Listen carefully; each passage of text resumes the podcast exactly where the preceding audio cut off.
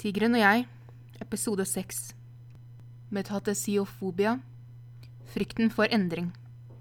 En naturlig, men vanskelig del av livet. Hele livet mitt har jeg vært redd for endringer. Hovedsakelig store endringer, som å flytte, dø eller at andre dør. Etter jeg fikk angst, har jeg i tillegg fått et snev OCD. Jeg har plutselig et enormt kontrollbehov for hva, når og hvordan noe skal skje. Jeg må også vite at visse ting holder seg uendret. Det er slitsomt å alltid skulle ha kontroll, men stort sett lar jeg tankene komme og gå uten å agere på dem. Forrige uke bydde på en stor utfordring. Over lengre tid har jeg hatt behov for å bytte seng. Ja, for den jeg har sovet i, var totalt ødelagt. Til tross for å våkne i en seng med ryggen skrapet opp av løse fjær og et digert hull fra livet og ned, ventet jeg med å skaffe meg seng. Delvis var det preget av min økonomiske situasjon, men da pengene var tilgjengelige, satt det allikevel langt inne. Så hvorfor var jeg så avventende? En seng er et viktig møbel. Selv om man stort sett sover i det, tilbringer man gode åtte timer i den. Jeg er en av de som også er våken et par timer etter at jeg har lagt meg. Jeg har hatt en rutine på å roe ned og reflektere over dagen helt fra tiden før jeg ble syk. Før gikk det mye meditasjon. Nå går det mest i å lese eller se på TV-serier. Det å ha et helt nytt underlag for den viktige søvnen var vanskelig å akseptere.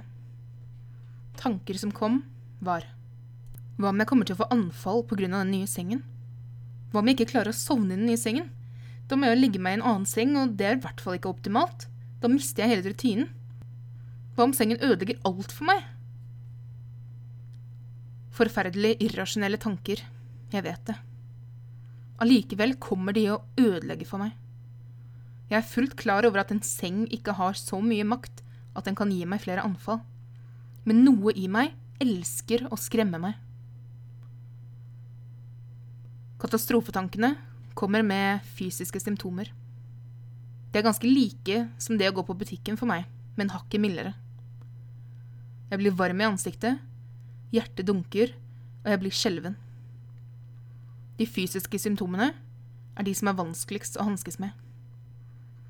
Tenk om du skulle bli nervøs for å handle noe nytt hver gang. To dager etter at jeg hadde kjøpt den nye sengen, bestemte jeg meg for å kaste ut den gamle og plassere den nye inn. Jeg innså at min ufrivillige, plagsomme nervøsitet for denne materielle endringen bare ville bli verre om jeg utsatte det. Da jeg la meg den kvelden, slet jeg fortsatt med tanken på å skulle sove i denne nye, rektangulære rammemadrassen. Jeg gjorde allikevel mine andre rutiner, og falt etter hvert til ro med situasjonen. Jeg bestemte meg for å gi det et par dager. Da jeg våknet opp dagen etter, hadde jeg sovet bedre enn på lenge. Det å ha hele kroppen i samme høyde var eh, kanskje ikke så galt allikevel. Jeg var fortsatt derimot ikke helt overbevist, og bestemte meg for å la sengen bevise at den var til mitt beste. Jeg er hele tiden klar over at disse tankene som kommer og går, ikke speiler min indre sunne fornuft. De små tvangstankene fører til de fysiske symptomene, og det er disse jeg blir utslitt av. Det har nå gått litt over en uke siden jeg byttet seng, og jeg kan med stolthet si at overgangen har gått så smertefritt som jeg kan forvente. Det var ikke så dumt å oppgradere min sovetrone. En fysisk endring. Nå vil du kanskje tenke at jeg hadde kastet sengen på huet og ræva ut etter det som kom sist helg. Bare dager etter at den nye sengen var i hus, kom en ulidelig tannpine. Jeg er ikke ukjent til tannverk. Jeg har hatt en del av det opp igjennom, men denne gangen var intensiteten på smerten kraftig, hurtig økende.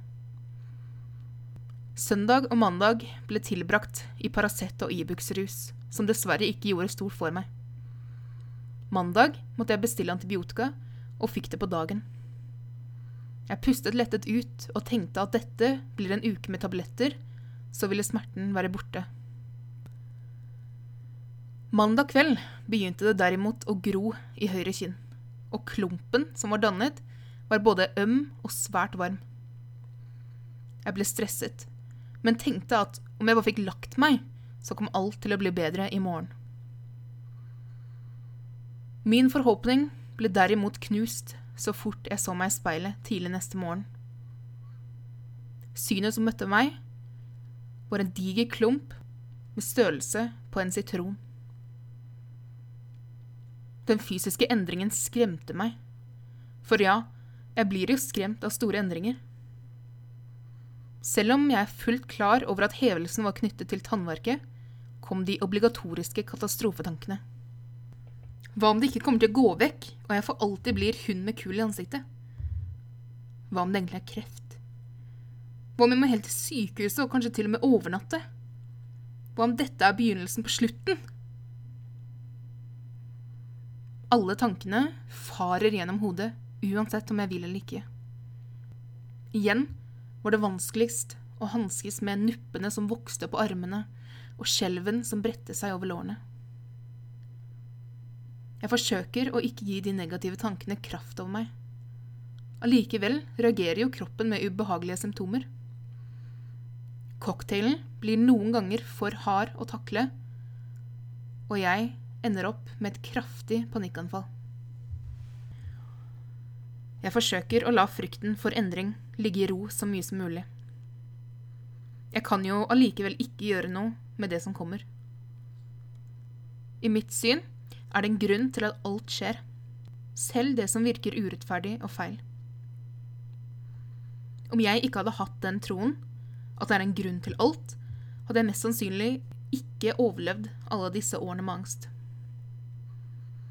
Jeg tror det er en plan for livet mitt. Ikke det at hver bidige ting er tilrettelagt og programmert, men at de store utfordringene og de store gledene har sitt utspring i noe større. Jeg aksepterer at jeg for tiden må leve med en god porsjon angst og uro, fordi jeg har et inderlig sterkt håp innerst inne om at det er bedre tider i vente. Jeg er allikevel klar over at de bedre tidene ikke kommer til å komme rekende men via hard jobbing og motivasjon. Men mest av alt håp. Med ønske om en helt OK dag Tina.